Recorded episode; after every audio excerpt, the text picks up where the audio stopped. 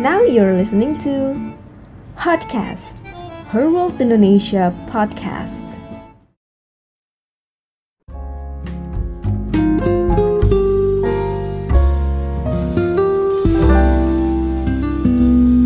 Hai, selamat sore Her World Indonesia. Senang sekali Iwet Ramadan kembali lagi menjumpai semua teman-teman tentunya di Her World A Chat With. Kalau biasanya Her World A Chat With ini adanya adalah di YouTube. Kali ini kita buat spesial sekali. Jadi kita bikin Her World A Chat With di live Instagram. Dan Iwet Ramadan hari ini akan ngobrol spesial sekali dengan Denada yang uh, saat ini sedang berada di Singapura. Uh, kita akan ngobrol-ngobrol karena akan kangen-kangenan juga sama Denada. Jadi nantikan terus. Dan kalau boleh cerita sedikit bahwa Her World A Chat With ini sudah masuk episode yang ketiga. Yang pertama waktu itu kita ngobrol sama uh, Ibu Veronica Tan. Lalu kemudian kita sudah ngobrol juga dengan Mbak Najila Shihab. Lalu kemudian dengan Mbak Najwa Shihab dan Ibu Fatmawati yang videonya juga masih ada di YouTube saat ini. Dan hari ini spesial banget kita akan ngobrolnya sama Denada. Jadi kalau kita ngomongin soal Denada ini, uh, aku temenan sama Denada, kenal Denada itu sebenarnya sudah cukup lama sekali. Jadi dari zaman dulu deh waktu masih sering banget nge-MC Terus kemudian sering ketemu sama Denada di uh, beberapa event Lalu kemudian juga kita sering sekali kerja bareng Sempat bahkan roadshow ke beberapa kota di Indonesia Dan kemudian semenjak saya kembali lagi ke kantor gitu ya masuk kantor uh, kerja di manajemen uh, frekuensinya jadi jarang sekali bertemu dengan Denada juga tentunya karena kesibukan. Nah saat ini Denada sedang berada di Singapura dan uh, tentunya kita tahu sekali bahwa Denada sedang berada di Singapura uh, karena harus menemani sang anak ya yaitu Aisyah dalam masa pengobatannya. Selamat sore untuk teman-teman yang sudah hadir di sini. Ada Francisca. Halo, say hi juga Francisca dan juga kemudian juga ini banyak sekali yang sudah masuk ke sini. Terima kasih banyak. Silahkan teman-teman semua bisa uh, diajak teman-teman yang lain untuk bisa ngobrol-ngobrol sama kita. Sekali lagi, ini adalah a chat with Denada. Her World a chat with Denada ya. Dan kita masih nunggu juga Denada untuk segera bergabung sama kita. Kalau saya sendiri sih penasaran banget sebenarnya, pingin tahu kesibukannya Denada di Singapura seperti apa saat ini. Lalu kemudian juga yang pingin saya tahu lagi adalah Uh, pingin banget tahu gimana kondisi di Singapura saat ini karena kan kita tahu bahwa uh, Singapura itu juga ada ini nggak lockdown mereka, but I don't know. Kalau di sini kita nyebutnya PSBB, tapi cukup ketat yang aku tahu di Singapura keadaannya. Hai.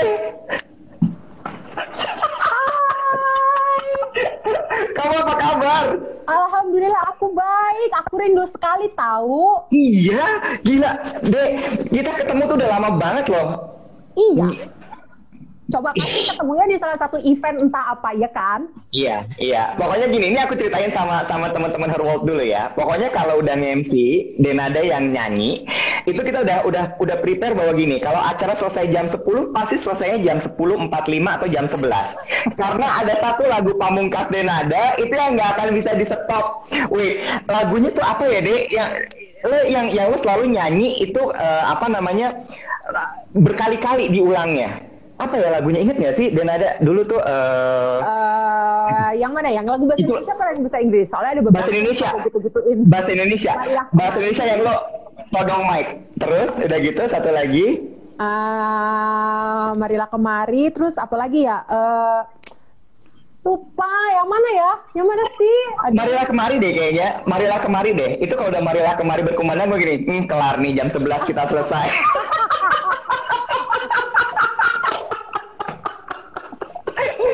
dulu tuh uh, aku sama Denada itu kita sampai uh, kita dibawa sama salah satu bank gitu ya waktu itu ya roadshow ke berbagai kota. Ya. Dulu paroannya sama Dave Hendrik, inget nggak sih? Bener. Jadi paro Asli itu adalah roadshow terseru loh. Iya kan? Terus abis itu diakhiri pasti dengan makan-makan. Cuma Asli. akhirnya kita dipertemukan lagi hari ini ya di A Chat with Her World dan yes. you look so fresh, gila thank banget. You. Thank you, thank you, thank Terus, you. ini sekarang di Singapura kan, Dek? Iya, aku di Singapura. Aku lagi di rumah sekarang. Aku udah di sini mm-hmm. kayak nggak keluar-keluar dari Singapura udah mulai dari mm-hmm. akhir Januari karena di uh, Singapura sebenarnya kasus pertamanya uh, COVID-19 mm-hmm. itu memang mulainya mm-hmm. di uh, tanggal 20-an Januari. Jadi begitu mulai hmm. masuk uh, kasus pertama, kita kan langsung dikasih hmm. informasi hmm. sama tim dokter yang ngerawat Aisyah. Terus uh, hmm. kita dikasih tahu untuk berhati-hati dan segala macam gitu. Akhirnya uh, aku putuskan mulai dari saat itu aku udah nggak keluar-keluar lagi dari Singapura untuk jagain hmm. konsentrasi jagain Aisyah. Uh, juga hmm. of course aku juga harus jaga diriku sendiri karena aku yang jagain yeah. dia dan uh, hmm. apa namanya aku juga nggak boleh melakukan apa pun yang kira sekiranya bisa uh, mengancam uh, keamanan dan kesehatannya dia kan jadi aku yeah, I yeah, decided yeah, yeah. untuk nggak keluar sama sekali dari Singapura uh, I decided mm -hmm. untuk berhenti kerja jadi semua mm -hmm. pekerjaan mm -hmm. aku uh, mohon dengan sangat-sangat amat ke beberapa klien waktu itu untuk mm. cancel dan alhamdulillah mm. mereka semua sangat amat uh, paham dengan situasi aku jadi ya begitu dari mulai saat itu sampai sekarang nggak ke mana-mana sama sekali. But kamu masih tetap produktif banget. Aku lihat kamu sempat bikin YouTube sama Luna juga. Terus abis yes. itu kamu sempat bikin kolaborasi sama J-Flow juga, baru mm -hmm. rilis juga. Iya, iya. Itu semuanya iya. dilakukan dari rumah, Denada? Itu semua aku lakukan dari rumah uh, rekaman atau kalau misalnya sebenarnya ada satu lagi uh, satu project nih Kaiwet yang aku lagi bikin bareng-bareng dengan beberapa musisi di Indonesia dan beberapa rapper yang rapper Indonesia yang tapi yang kebetulan bermukimnya nggak semua di Indonesia. Jadi ada hmm. rapper yang um, bermukimnya di Dubai, terus ada DJ hmm. Sumantri yang mungkin kita semua wow. tahu namanya ya. Terus yep, ada yep. Wizo, ada Elephant hmm. in a Room. Jadi kita sama-sama lagi hmm. bikin satu project lagu uh, yang uh, sebenarnya tagarnya adalah tahan keluar rumah dalam masa wow. pandemik ini dan semua itu aku lakukan di rumah saja dengan segala perlengkapan uh, alat yang seadanya kalau kita rekaman kan uh. di studio ya wah kedap suara uh. itu ya kawet ya uh. kalau di rumah uh, aku naikin uh, kasur di sebelah kanan kasur di sebelah kiri kasur di bawah biar kedap ya alhamdulillah sih hasilnya oke okay kok. Wah, tapi bener ya, untuk di masa pandemi seperti ini, itu orang justru jauh lebih kreatif dibandingkan masa-masa keadaan normal. Setuju nggak sih? I so very agree. Yes.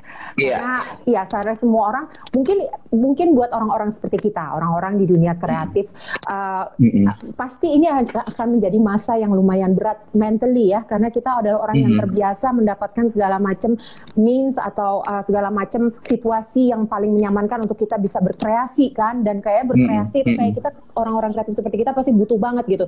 Nah kalau begitu mm-hmm. nanti kita di rumah aja nggak boleh keluar rumah, nggak boleh ngapa-ngapain. Hmm terus langsung hmm. kan jiwa kreativitasnya langsung iya. langsung iya. ah gitu jadi ya ya I, I agree I agree Oke, okay. eh kita sapa dulu Mbak Tusi lagi nyapa kita tadi katanya Denada salam sayang katanya itu kangen katanya gitu.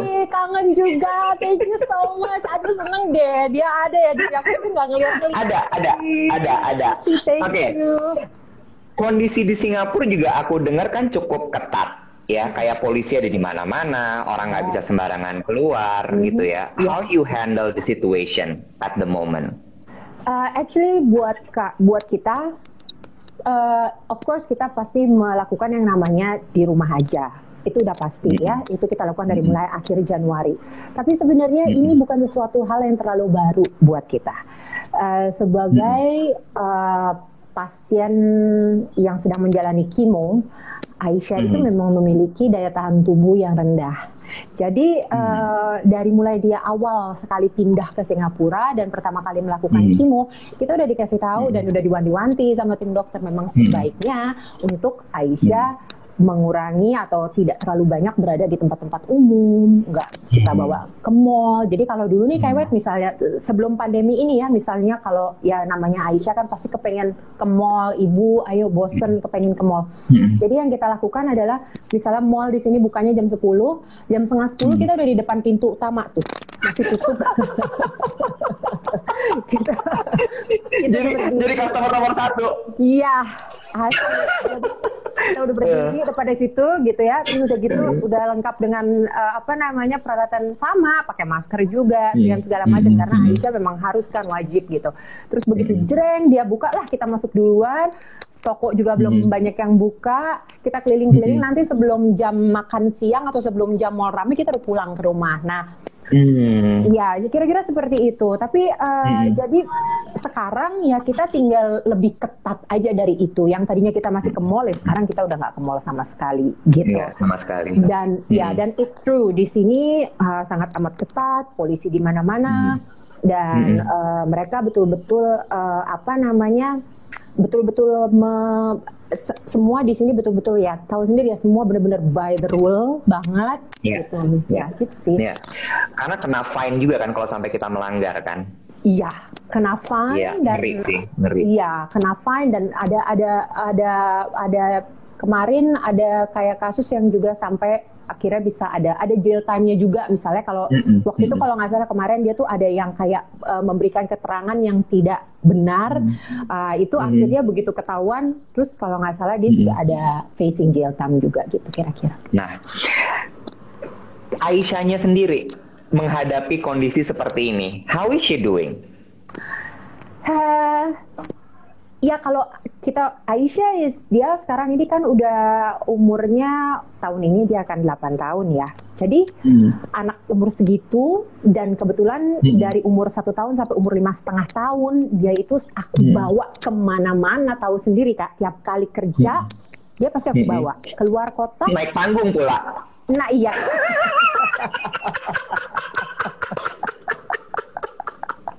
nggak bisa. Lihat emaknya manggung deh dia tuh juga pingin.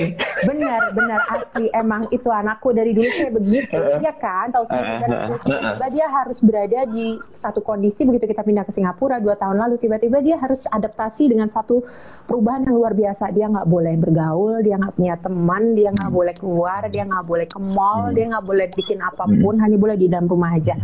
Jadi uh, pasti yang namanya dia um, apa bosen um, bete bad mood itu pasti. Khususnya semenjak kita masuk ke masa situasi pandemi ini karena udah mulai hmm. ada uh, larangan untuk semakin banyak larangan untuk nggak boleh keluar ke segala macam dan dia juga memang kita jaga untuk terus di rumah aja.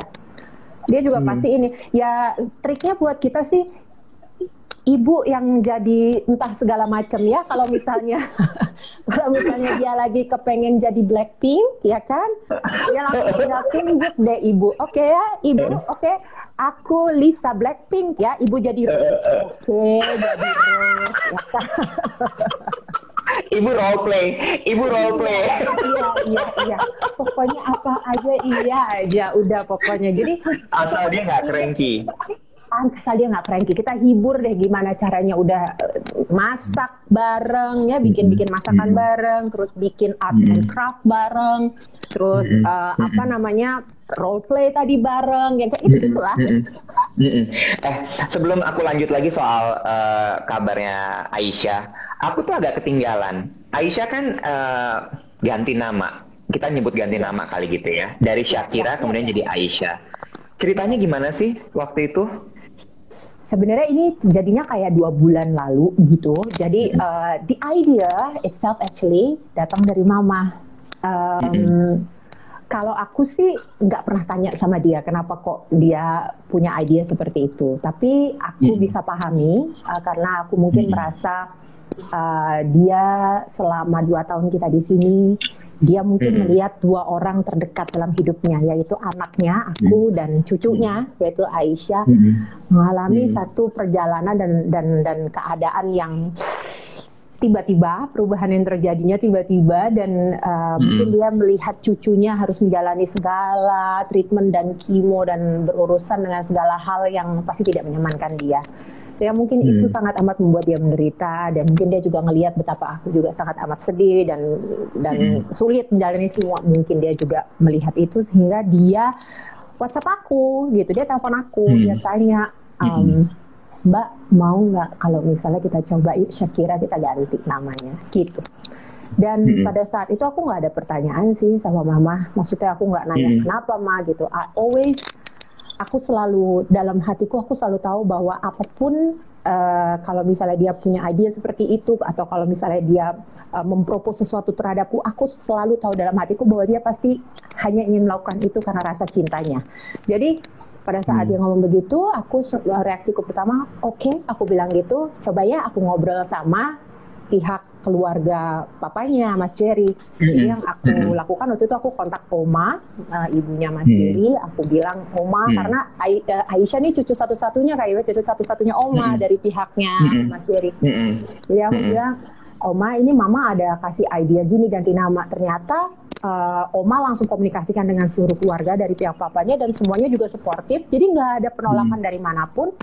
Dan akhirnya tentunya langsung masuk ke uh, calon nama kan nama baru kan. Mm -hmm. Aisyah mm -hmm. memang adalah satu nama yang aku selalu suka dan jujur dulu sebelum aku menikah aku selalu punya angan-angan mm -hmm. kalau punya anak perempuan pengen aku kasih nama Aisyah gitu. Ah. Tapi memang pada saat akhirnya aku hamil dan aku tahu anak perempuan, Aisyah menjadi salah satu calon nama yang aku uh, propose ke Mas Jerry, tapi hmm. akhirnya ada Aisyah, hmm. Fatima, ada Shakira, dan hmm. akhirnya kita agree di Shakira hmm. pada saat itu. Hmm. Jadi aku hmm. banget, kak waktu itu akhirnya hari Jumat aku panggil Syak, uh, Aisyah waktu itu masih Shakira, hmm. aku panggil Shakira, hmm. um, ibu boleh nggak kalau misalnya mulai sekarang ini ibu ganti namanya Shakira jadi Aisyah. Terus dia, dia melihat aku. Jadi hmm. mulai sekarang Shakira udah nggak dipanggil Shakira lagi tapi dipanggil Aisyah. Iya, tapi hmm. kalau boleh, aku bilang gitu. Terus dia ah, bilang, iya. Oke okay, ibu, boleh. Dia bilang gitu. Dan udah, just like that, uh, berganti nama dia dan mulai hari itu pun dia sudah belajar memanggil dirinya dia sebagai Aisyah. Gitu sih. Proses untuk ganti namanya semua gampang, nggak ada kendala apa-apa kita nggak sampai sekarang sih tidak belum ada belum ada uh, usaha ganti paspor gitu misalnya ya belum ada ya belum ada mm-hmm. tapi memang belum. untuk hari-hari kita mm-hmm. sudah satu keluarga besar teman-teman semua kita mm-hmm. sudah panggil dia dengan nama Aisyah Oke, okay, now from now on then we call her Aisyah. Aisyah. Gitu ya. Yes. Aisyah. tapi aku tuh tadi sebenarnya mau nanya soal Aisyah dulu, tapi obrolan soal uh, mama ini kayaknya lebih menarik untuk aku bahas sekarang gitu. Okay. Karena gini, ini belum pernah aku ceritain sama kamu. Tapi dulu waktu kamu kayaknya baru pulang Asia bagus, if I'm not mistaken. Okay. Ingat nggak sih? I don't know, it's your father atau uh, kakak kamu suka main aeromodeling di Halim. Ya, ya, ya, ya, ya, ya, ya, ya, ya. Also with my younger brother, my younger brother, yes. Too, Muhammad. Yes. Ya, Dan ya, aku waktu itu lihat kamu ya, kamu udah nyanyi-nyanyi gitu sambil nungguin uh, apa uh, aero modeling itu main. Itu papa ya waktu itu yang main aero modeling ya kalau nggak salah uh, ya? Iya, waktu itu uh, suaminya mama waktu itu yang main sama yeah. adikku yang yang nomor dua. Yeah. Mm -hmm. Benar. Nah, itu mama juga suka hadir jadi aku ngeliat bahwa kamu tuh kayak selalu terus-terusan. Even kalau nggak salah waktu Asia bagus tuh juga Mama nemenin kamu ya kalau nggak salah ya. Yes, betul. Ikut ke sana, yes. So you are very close with Mama. Yes, I am very close dengan aku. Hubunganku sama Mama itu uh, dulu pada saat uh, akhirnya mama dan papa harus pisah, aku langsung mm -hmm. decided untuk uh, hidup sama mama. Jadi uh, walaupun mm pernah juga hidup sama papa, tapi akhirnya ujung-ujungnya mm -hmm. pasti balik lagi sama, sama ke mama mm -hmm. gitu. Dan akhirnya kita betul-betul mm -hmm. menjalani selama bertahun-tahun kayak hidup tuh berdua. Only the two of us. Iya. Iya, itu kita bertahun-tahun. Yes, so we are that close. Oke, okay. dan dan setahu aku juga waktu kamu pertama kali nerima kabar bahwa Aisyah itu sakit, itu yang yang yang yang nemenin kamu adalah Mama pada saat itu ya? Iya, iya. Waktu itu yang nemenin aku can you, adalah can Mama. Can you tell us the story? Mm-hmm. Ya, jadi uh, sebenarnya dari mulai pertama itu uh, Aisyah udah sempat dirawat di salah satu rumah sakit, mm-hmm. tapi pada saat itu memang diagnosa leukemia ini belum keluar. Sehingga setelah mm-hmm. itu, uh, setelah hari ketiga dia dirawat, kita ketemu dengan seorang ahli dok, uh, dokter ahli darah anak di salah satu rumah sakit. Dan jadi kita dari rumah sakit satu ke rumah sakit kedua ini ketemu dengan dokter. Habis itu uh, Aisyah menjalani serangkaian tes darah apa segala macam dan ternyata sambil nunggu hasilnya itu uh, sang dokter sudah harus praktek lagi di rumah sakit ketiga. Jadi kita wah itu that day I remember uh, itu kita benar-benar uh, aku benar-benar merasa bahwa hari itu adalah hari yang buh masya Allah yang luar biasa sekali karena hmm. kita pagi-pagi kita mesti check out dari rumah sakit yang pertama kita kejar sang hmm. dokter ke rumah sakit kedua begitu sampai ke rumah hmm. sakit kedua uh, keluarlah kecurigaan sang dokter lalu disuruh tes lagi lalu akhirnya hmm. uh, itu dalam keadaan semua ini dalam keadaan Aisyah masih aku bawa terus jadi dia dari keluar dari hmm. rumah sakit pertama aku bawa terus uh, terus hmm. pada saat keluar uh, apa namanya ha, uh, hasilnya ternyata sang dokter sudah harus pindah ke rumah sakit ketiga jadi itu keadaan sudah malam uh, sang dokter sempat bilang sama aku kalau memang ibu uh, sudah capek mungkin anaknya juga kasihan capek boleh dibawa pulang dulu hmm. besok kita ketemu lagi hmm. Uh, hmm. kita kita lihat hasilnya terus aku bilang sama dokter dokter dan bilang saya sudah tidak tidur berhari-hari saya bilang hmm. uh, saya hmm. tidak bisa lagi menghabiskan satu malam lagi tanpa saya mengetahui anak saya kenapa. Aku bilang jadi tolong dokter ke mana aja saya akan kejar, saya saya akan teruskan. Pokoknya saya mau tahu what's wrong with my daughter. Dan akhirnya dokter bilang oke okay, oke okay, kalau begitu datang ke praktek, praktek ketiga. Akhirnya aku datang ke rumah sakit yang ketiga dan di sana beliau udah nunggu dan di situlah aku masuk sama mama hmm. berdua dan Aisyah tunggu di mobil waktu itu aku masuk berdua sama mama aku duduk terus uh, dokternya lihat hasilnya baca terus akhirnya dokternya aku inget banget kata-katanya beliau. Aku bilang dia bilang e, ibu katanya uh, saya dari saya harap saya salah. Saya harap saya salah tapi dari apa yang saya baca dari apa yang saya tahu dari pengalaman saya saya rasa uh, anak ibu leukemia atau kanker darah. Dan pada saat itu gelaplah semua dunia aku Pak Aku tidak bisa lagi menjelaskan kalau aku disuruh ah, kembali lagi rasanya nggak kuat rasanya untuk aku membayangkan lagi semuanya yang terjadi di hidupku dan terjadi di kepalaku dan di hatiku pada saat itu. Aku benar-benar nggak bisa ngomong apa-apa, aku cuma langsung nangis, dan diem dan hanya nangis saja. Di sebelahku aku lihat mamaku juga nangis, tapi hmm. dia langsung aku lihat, aku ingat dia pegang tangan aku, langsung dia pegang tangan aku di atas meja, terus dia dia pegang tangan aku kuat, hmm. terus dia tarik nafas panjang karena dia lihat aku benar-benar udah udah gitu, hmm. jadi akhirnya dia hmm. yang tarik nafas panjang, terus dia ngomong langsung ke dokternya, jadi kita harus sekarang gimana dokter? Udah, dari mulai dan on aku nggak ngomong apa-apa sama sekali. Semuanya komunikasi sudah antara mama dengan dokter. dokter. Ya. Hmm. That's not easy.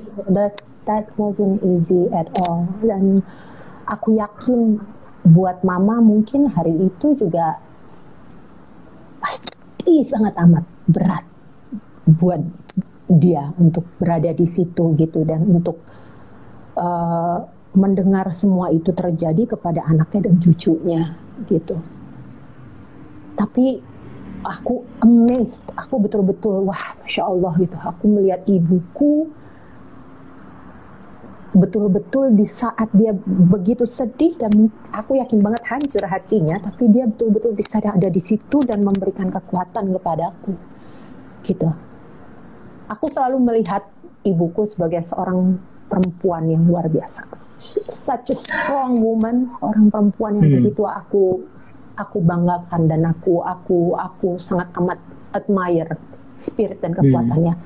Tapi aku hmm. selalu merasa, you know, kadang-kadang kalau kita melihat ibu kita udah semakin nambah umurnya nambah umurnya aku suka selalu kadang-kadang merasa aduh udah deh jangan apa dia udah semakin hmm. nambah umurnya hmm. kita kepengen kasih dia mungkin dia se, se hmm. sekuat itu sebagaimana dulu karena sekarang sudah semakin hmm. tua. Tapi that hmm. day aku merasa aku mendapatkan semua kekuatanku pada hari itu dari mama. Aku ngerasa ya bahwa uh, Mama Emilia Contessa ini punya punya peran yang sangat gede banget buat kamu. Yes. Bukan cuma dia menurunkan wajah yang cantik, bukan cuma dia menurunkan bakat yang begitu luar biasa. Come on, you have to admit that you have a lot of talents. Kamu bisa jaipongan, kamu bisa ngerap, kamu bisa nyanyi, you name it, you name it. Karena kan katanya kan katanya adalah uh, kecerdasan seorang anak itu menurun dari ibunya bukan dari bapaknya. Yeah. Not from his not from his or her father, but from her mother. The mother. Iya. Yeah. Even strongnya itu juga kekuatannya adalah datangnya dari ibunya. Ya. Kalau kamu sendiri selain kekuatannya, apalagi sih spesial Ibu Emilia Contessa ini? Uh, dia adalah seorang ibu yang sempurna menurutku. Dia bisa menjadi apa saja yang aku butuhkan dalam hidupku. Apa saja yang aku butuhkan. Hmm. Di saat dulu aku membutuhkan seorang manajer, beliau adalah adalah manajer pertamaku loh, Pak Jadi mama tuh dulu yang manajerin aku pertama kali di awal-awal karir. Itu galak banget pasti tuh. Gak ada yang berani nggak lagi. ya kan? Don't play play. Don't play play sama mama. Don't play play. Uh, terus. Ini bener dan uh, mm -hmm. dia ada di situ gitu. Dia protect mm -hmm. aku, dia dia dia mm -hmm. dia apa? Tapi professionally gitu. Di saat aku butuh dia sebagai seorang teman, seorang sahabat dulu, dia akan hadir dan betul-betul hadir dan ngobrol sama aku selain kayak seorang sahabat. Di saat aku butuh dia hadir sebagai seorang ibu, dia hadir di sana sebagai seorang ibu. She's just she just so perfect. Dia bisa hadir sebagai apa pun sosok yang aku butuhkan. Kadang-kadang aku nggak perlu minta, tapi dia udah tahu. Hmm. Right away dia tahu apa yang aku butuhkan. Hmm. Gitu dan uh, hmm. aku merasa aku melihat dengan mata kepalaku sendiri apa yang she's been through menjadi single parent selama sekian lama waktu itu hidup berdua dengan aku melakukan apa semua yang harus dilakukan segala perjuangannya untuk bisa uh, untuk bisa survive berdua sama aku I hmm. think it's just suatu hal yang yang yang, yang apa ya yang yang membuat aku merasa bahwa aku sangat amat beruntung sebagai seorang anak nih aku lahir dari rahimnya mamaku. Hmm. So hmm. lucky. Hmm. Hmm. Kalau sekarang dengan kondisi pandemi seperti ini, mama nggak bisa hadir setiap saat, as in physically, di samping kamu hmm. kan ya? Ya. Komunikasinya kayak apa dan ada? Apakah tiap hari? Ya kalau WhatsAppan udah pasti ya. Video callan kah atau telepon ya. atau gimana? Ya, kalau misalnya sekarang kita beruntung banget ya, udah itu ada ada WhatsApp, ada video call, ada segala macam. Jadi selama ini kita hanya uh, komunikasi melalui itu. Tapi emang karena mama tuh posisinya sekarang ada di Banyuwangi, jadi uh, hmm. Apa namanya? Dia orang Banyuwangi kan, by the way? Iya iya iya, ya. kita iya, orang iya iya asli uh, uh, uh, kita. jadi uh, apa namanya? Uh, jauh-jauhan nih semua nih. Adik aku ada yang di Australia, adik aku yang satu di Jakarta, yang satu sama mama, terus aku di sini hmm. gitu kan. Jadi hmm. kita punya hmm. satu grup nih bersama nih. Aku aku sebut hmm. aku panggil mamaku tuh Lady Boss. Kak Iwil. Lady Boss. Lady Boss. Ya, kelihatan, kelihatan strong gitu ya. Jangan. Iya iya iya iya. iya. Kan? Jadi aku bikin uh, bikin uh, grup ya grup. WhatsApp grup mm -hmm. yang isinya tuh mama sama adik-adik aku gitu dan aku sebutnya mm -hmm. tuh nama nama grupnya tuh anak lady boss gitu kan. Oh baik. Uh -uh. Hmm, ya kan. Terus uh -uh. jadi setiap setiap hari ya kita di situ aja gitu. Aku tahu dari mm. dari mulai pandemi ini start gitu mama tuh udah mulai of course dia dia udah 63 tahun dia mm -hmm. kebetulan memang punya kondisi kesehatan dia diabetik mm -hmm. jadi dia pasti punya kekhawatiran-kekhawatiran begitu pandemi ini start apalagi dia tahu mm -hmm. bahwa uh, orang salah satu orang-orang yang berisiko besar bila terkena itu adalah salah satu orang-orang lanjut usia yang mempunyai mm -hmm. kondisi mm -hmm. kesehatan. Jadi dia sangat amat worry, ketakutan, dia sedih. Hmm. Tapi saat yang sama hmm. juga dia worry sama kita kita anak-anaknya gitu. Hmm. Jadi hmm. Uh, aku hanya berusaha sama adik-adik aku kita untuk berusaha untuk hibur dia aja terus tiap hari. Kita kirim-kirimin dah tuh video-video yang lucu-lucu, kita kirimin hmm. joke-joke yang lucu-lucu dan setiap hmm. kali dia mulai concern kita berusaha untuk hibur dia lagi supaya dia nggak terlalu kepikiran. Yes. Hmm. Aku ngerasa bahwa itu berat loh Denada I mean, at one point you have to take care of your daughter yang juga butuh uh, perhatian full. Kamu mesti jadi Lisa, mesti jadi apa, mesti jadi apa, mesti main art and craft, iya kan? Di satu sisi juga ngecek WhatsApp, tiba-tiba yang mulai khawatir. I mean, how you handle that? It's not easy loh. Um, uh, ya kadang-kadang bisa uh, kadang-kadang bisa overwhelming. I wouldn't hmm. say it's not easy, but kadang-kadang bisa overwhelming. Overwhelming hmm. itu kadang-kadang jadi ya of course kadang-kadang jadi lebih sedikit kurang perhatian dan waktu untuk diri sendiri itu udah pasti. Buat aku sekarang hmm. ini semua skala skala skala prioritas. Prioritas aku hmm. sekarang ini adalah Aisyah, kesehatan mm-hmm. dia, treatment dia. Mm-hmm. Lalu mm-hmm. mama, ya kan, Maisha mm-hmm. dan mama maksud aku itu sama. Mm-hmm. Jadi uh, kesehatan dia, kenyamanan dia, kebahagiaan dia. Jadi buat aku mm-hmm. ini adalah di prioritasnya di atas nih kayak jadi apa pun itu mm-hmm. ya aku berangkat dari itu aja. Misalnya di saat mm-hmm. itu misalnya nih uh, mm-hmm. aku harus melakukan hal lain tapi ternyata anakku sedang membutuhkan aku untuk ada bersama dia maka sudah jelas prioritasnya. So even mm-hmm. aku channeling my energy juga menchannel energiku hari itu pun aku sesuai dengan skala prioritas itu gitu hmm. jadi uh, apa namanya um, ya aku rasa selama ini ya begitu begitu aja I have nothing to complain uh, it hasn't been always easy of course hmm. ada upsnya hmm. ada downnya bukannya nggak pernah hmm. aku nangis malam-malam sampai sesenggukan masih sering terjadi sampai sekarang bukan nggak pernah hmm. aku merasa ketakutan worry hmm. masih terjadi hmm. sampai sekarang um, hmm. tapi I have nothing to complain karena hmm. kita sudah menjalani ini pada saat di awal-awal ini terjadi aku kayak aduh nggak tahu mesti bagaimana dan bagaimana how will I get through this karena the journey seems like nggak nggak nggak nggak kuat gitu aku jalaninnya tapi ternyata ini kita udah dua tahun ngejalanin ini Lo tau gak sih, ini yang nangis gue lo bukan lo. Ini kacau. Ini gak bener. I mean, maksud gue, maksud gue gini ya, gue ngebayangin gini, Bo, gue ngebayangin gini ya, gue gue aja gitu dengan kondisi gue bekerja gitu ya, uh, terus kemudian ya gue harus harus memikirkan orang tua gue juga, kondisi di luar nggak menentu. Ya PHK di mana-mana, orang kena pengurangan gaji, itu kan nggak enak banget ya. Iya, iya. Terus gue ngedenger cerita lu tadi kayak wah gila ini sih nggak ada apa-apanya gitu terus gue mikirin juga teman-teman gue tuh kadang-kadang di WhatsApp grup suka yang lu ah gila nih online school ngehe banget gitu misalnya gila gurunya nggak tahu diri ini terus terus gue gini damn man lu tanya sama Denade sekarang if I were you, gue nggak tahu gue akan sanggup apa enggak. Tapi lu gimana cara cara cara membalance-nya? Berat loh, Bo. Iya, eh, berat berat dan uh, apa aku pun makin ke sini uh, eh, makin ngerasain bahwa uh, apa aku mulai harus melakukan itu gitu membalance membalance-nya mm -hmm. itu karena it's actually mm -hmm. aku jujur itu tricky banget buat aku terutama karena aku di sini sendiri aku coba berusaha hmm. sama dia sendiri hmm. di saat yang sama aku pun uh, sebelum aku pun harus mencari kerja, terus aku harus cari nafkah juga, harus kerja juga, yeah. gitu. Jadi uh, apa namanya dan di situasi yang seperti ini dengan segala ketidakpastian yang ada di hidup kita dengan masalah pekerjaan, masalah kehidupan, bagaimana nih ke depannya, worry dengan Aisyah dan segala macam, it makes it sangat amat lebih menantang.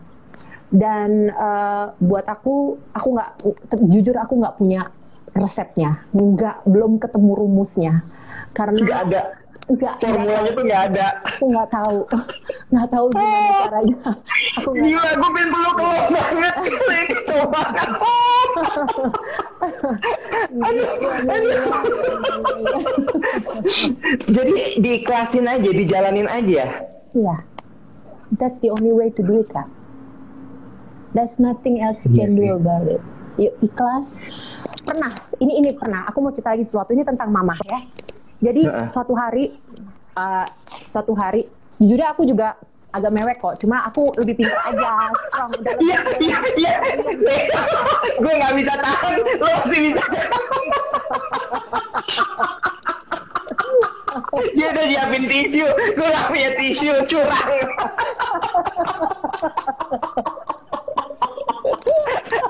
Aduh, aduh curang semua aduh, aduh, Oke oke gimana? Nah, pernah? Jadi hmm. pernah waktu itu satu hari kejadian uh, Aisyah hmm. tuh waktu itu harus menjalani kemo sampai setiap hari. Jadi tiap hari dia harus kemo sehingga sampai badannya tuh drop, badannya drop, which is itu memang expected, itu bisa terjadi. Hmm. Badannya drop hmm. dan begitu drop badannya tuh masuk masuk langsung kita ke rumah sakit gitu dan sampai rumah sakit tuh hmm. Aisyah tuh trans, harus transfusi, pasti harus transfusi darah karena HB-nya dia tuh sampai rendah banget, pokoknya harus langsung hmm. Oke. Okay transfusi darah, udah transfusi darah, ini udah berhari-hari nih aku juga udah nggak tidur berhari-hari karena pada saat itu kan hmm. proses dia drop tuh berhari-hari juga kan, hmm. Gitu. Hmm. jadi udah setiap hari ke rumah sakit cek lagi cek lagi, mas balik lagi besokannya masih nggak nggak naik lagi kondisinya, akhirnya transfusi. Setelah transfusi pulang nih ke rumah nih, besokannya cek lagi, ternyata masih harus transfusi lagi. Jadi begitu di transfusi hmm. kedua itu ya, aku udah aku telepon mama gitu. Pada saat yang hmm. sama hmm. itu bukan aku telepon mama. Mama telepon aku terus dia dia suka gitu kayak dia suka kayak ada kayak intuisinya sama aku tuh tajam banget. Hmm, anak hmm. semua tajam. Ini ibu lah ya intuisi ibu ya. Hmm, hmm, jadi dia telepon aku dia tanya mbak kamu nggak apa-apa? Gitu. So aku dari situ that that day I broke down langsung. Aku nangis. Di telepon di rumah sakit tuh dilihat di depannya dokter-dokter aku nangis. Itu pertama kali aku nangis di depannya Aisyah. Aku tidak pernah kayak selama aku jadi ibu dia aku tidak pernah keluar air mataku satu tetes pun depan anakku. Apa pun yang terjadi pantang gitu buatku. Anakku ngelihat aku tuh harus seperti itu. Tapi hari hmm. itu I just couldn't handle it gitu. Aku hmm. nangis aku hmm. telepon mamaku aku nangis. Aku bilang hmm. ma aku bilang. Why? Aku bilang ini Aisyah harus harus apa namanya harus uh, transfusi lagi setelah baru aja transfusi dan kondisinya nggak naik naik. Aku bilang why why? Tahu nggak kak di saat itu Mama sama sekali nggak nangis. Dia tegesin suaranya. Dia ngomong gini sama aku, Mbak kamu hmm. nggak hmm. boleh kayak begitu. Hmm. Kamu nggak boleh kayak begini. Kamu kayak hmm. nggak hmm. punya Tuhan. Kamu kayak nggak punya Allah. Kamu kayak begini. Terus dia bilang kayak begini. Kamu tidak boleh komplain. Kamu nggak boleh tanya sama Allah, kenapa kok kamu begini? Nggak boleh. Bukan tugas kamu tanya sama Allah. Bukan hak kamu tanya sama Allah. Dia bilang, kalau memang ini berat buat kamu, kamu bilang sama Allah, ya Allah ini berat buatku. Tapi ya Allah, tapi bilang sama Allah, bilang, tapi ya Allah, bila memang ini ketetapanmu bagi hidupku dan ini ketetapanmu bagi hidup anakku, maka ya Allah hamba ikhlas, hamba itu. Dan dia bilang-bilang itu dari hatimu, bilang itu sepenuh hatimu, bilang sama Allah, ya Allah, ini berat, saya menderita. Tapi bila ini ketetapanmu, buat hidupku. Bila ini ketetapanmu untuk hidup anakku ya Allah. Hamba ikhlas. Dan detik itu semua berubah. Hatiku berubah. Caraku melihat langsung berubah. Dan semenjak itu itu yang omongan mamaku omongan ibuku yang itu tidak pernah aku lepas di hidupku setiap ah. kali aku merasa kayak I cannot go on, ini kok begini, kenapa begini, aku balik lagi ke situ. And it just looking back ya, dari sekarang aku lihat pada saat itu, it amazed me. Bagaimana aku tahu di saat itu pasti she was so broken heart, tetapi di saat yang sama dia bisa bisa menguatkan aku dengan cara itu. Dan itu, wow. again, her power, her super power. Gila. Ini balik lagi ya, Bo. Emang emang balik lagi bahwa gimana kita menerima uh, ketetapan Tuhan itu bukan sesuatu yang mudah, tapi ya. ini memang ketetapan gitu. Dan gimana Mama ngingetin, Ibu Emilia Contessa ngingetin gitu ke ya. Denada, dan dia tegas sekali itu menurut gue kayak wow, she's amazing dia dia nggak not even kayak it's okay sayang kamu kuat nggak no ya yeah. exactly kamu nggak boleh nangis kamu nggak boleh marah kamu nggak boleh nangis oh my yeah. god ya. Balik lagi ke Don't Play Play ya, sama Mama Don't, don't Play Play. play. Makanya namanya Lady Boss. Makanya namanya Lady Boss. Salut. eh, tapi tapi kangen nggak sih sama sama Mama sekarang? Kangen, kangen banget. Ini adalah Ramadan ketiga aku nggak ketemu, nggak deketan sama Mama. Oh ini udah yang ketiga berarti? Ini udah ketiga, karena kan kita di Singapura dulu pertama kali datang ke sini waktu itu lagi bulan Ramadan. Waktu itu sama mama, tapi pada saat lebaran waktu itu mama udah pulang ke Indonesia. Terus yang kedua kita hmm. di Singapura juga waktu itu keadaannya. Terus yang ketiga ini juga kita di, di sini gitu. Dan memang kita nggak, aku nggak pulang, aku nggak pulang hmm. ke Indonesia karena Aisyah nggak bisa ke mana-mana gitu. Jadi hmm. kita di hmm. sini dan mama di sana di Banyuwangi gitu. Ya it's, it's hmm. of course lah kangen, kepengen hmm. deket-deket sama dia karena momen-momen hmm. Kayak gini kan pasti kan nyamannya kita kan deket sama ibu. Iya, iya, hmm. gue setuju. Dan Lebaran sepertinya tahun ini juga akan jadi Lebaran yang sangat berbeda sekali ya. Karena I don't think you can go back to Indonesia hmm. dengan kondisi seperti ini. Iya, iya, iya betul. Ini Lebaran yang yang situasinya yang baru buat kita semuanya dan hmm. ya uh, menambah sebenarnya deep down inside udah keadaan situasi kayak begini, nggak usah pakai hmm. Ramadan aja kita hmm. situasinya kayak begini aja rasanya kan pengen deket-deket sama ibu terus kan hmm. dengan situasi hmm. yang hmm. sekarang ini seperti ini udah ditambah hmm. lagi hmm. dengan keadaan bahwa ini bulan puasa mau lebaran hmm. puasa yes. hmm. andai kata ditanya biasanya kan momen lebaran itu adalah momen kita wah gila itu breakdown and cry sih minta maaf sama orang tua tuh dem. Yeah. wah gila sih. Gue kalau udah lebaran tuh udah minta maaf sama orang tua kayak bah gitu. Ya gitu. Maaf ya mama maaf ya papa gitu. Tapi kalau misalnya bisa bisa gue tanya gitu ya apa yang kamu mau ucapkan ke mama since mama nggak ada di lebaran tahun ini? Uh, minta maaf apa yang pengen kamu ucapin ke ibu aku pengen, waduh banyak banget deh. Tapi um, I have to admit bahwa I, aku bukanlah uh, seseorang yang mungkin mudah untuk deal with gitu. Bahwa pasti um, aku sering sekali dulu mungkin mengecewakan, uh, mungkin bikin nangis, even bikin worry um, mungkin banyak pengharapan-pengharapan mama bukan mungkin aku tahu banyak pengharapan mama dariku yang yang dia ingin sekali uh, bisa aku wujudkan tapi uh, aku nggak bisa wujudkan uh, dan mungkin dia merasa kecewa. Um,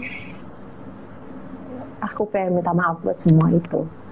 Di setiap uh, hal keadaan yang pernah terjadi yang membuat mama kecewa mama sedih sama aku, marah sama aku, aku minta maaf. Dan banyak hal lain, tapi mostly that. Yes. ada kuat ya. This is not going to be easy. Oh, yes. Yes, well. I love my support for you. Gila, ini obrolan ini nggak panjang. Kita udah lama banget nggak ketemu. Yes. Kita dulu cuma sapa-sapaan lewat radio, terus kita ketemu yes. di off air. Yeah, Sekarang kita yeah. sapa-sama lewat digital seperti ini. Gue dapat banyak sekali pelajaran. I learn a lot from you. Thank Aduh, you so much. Thank you so much. Yeah, thank you so much.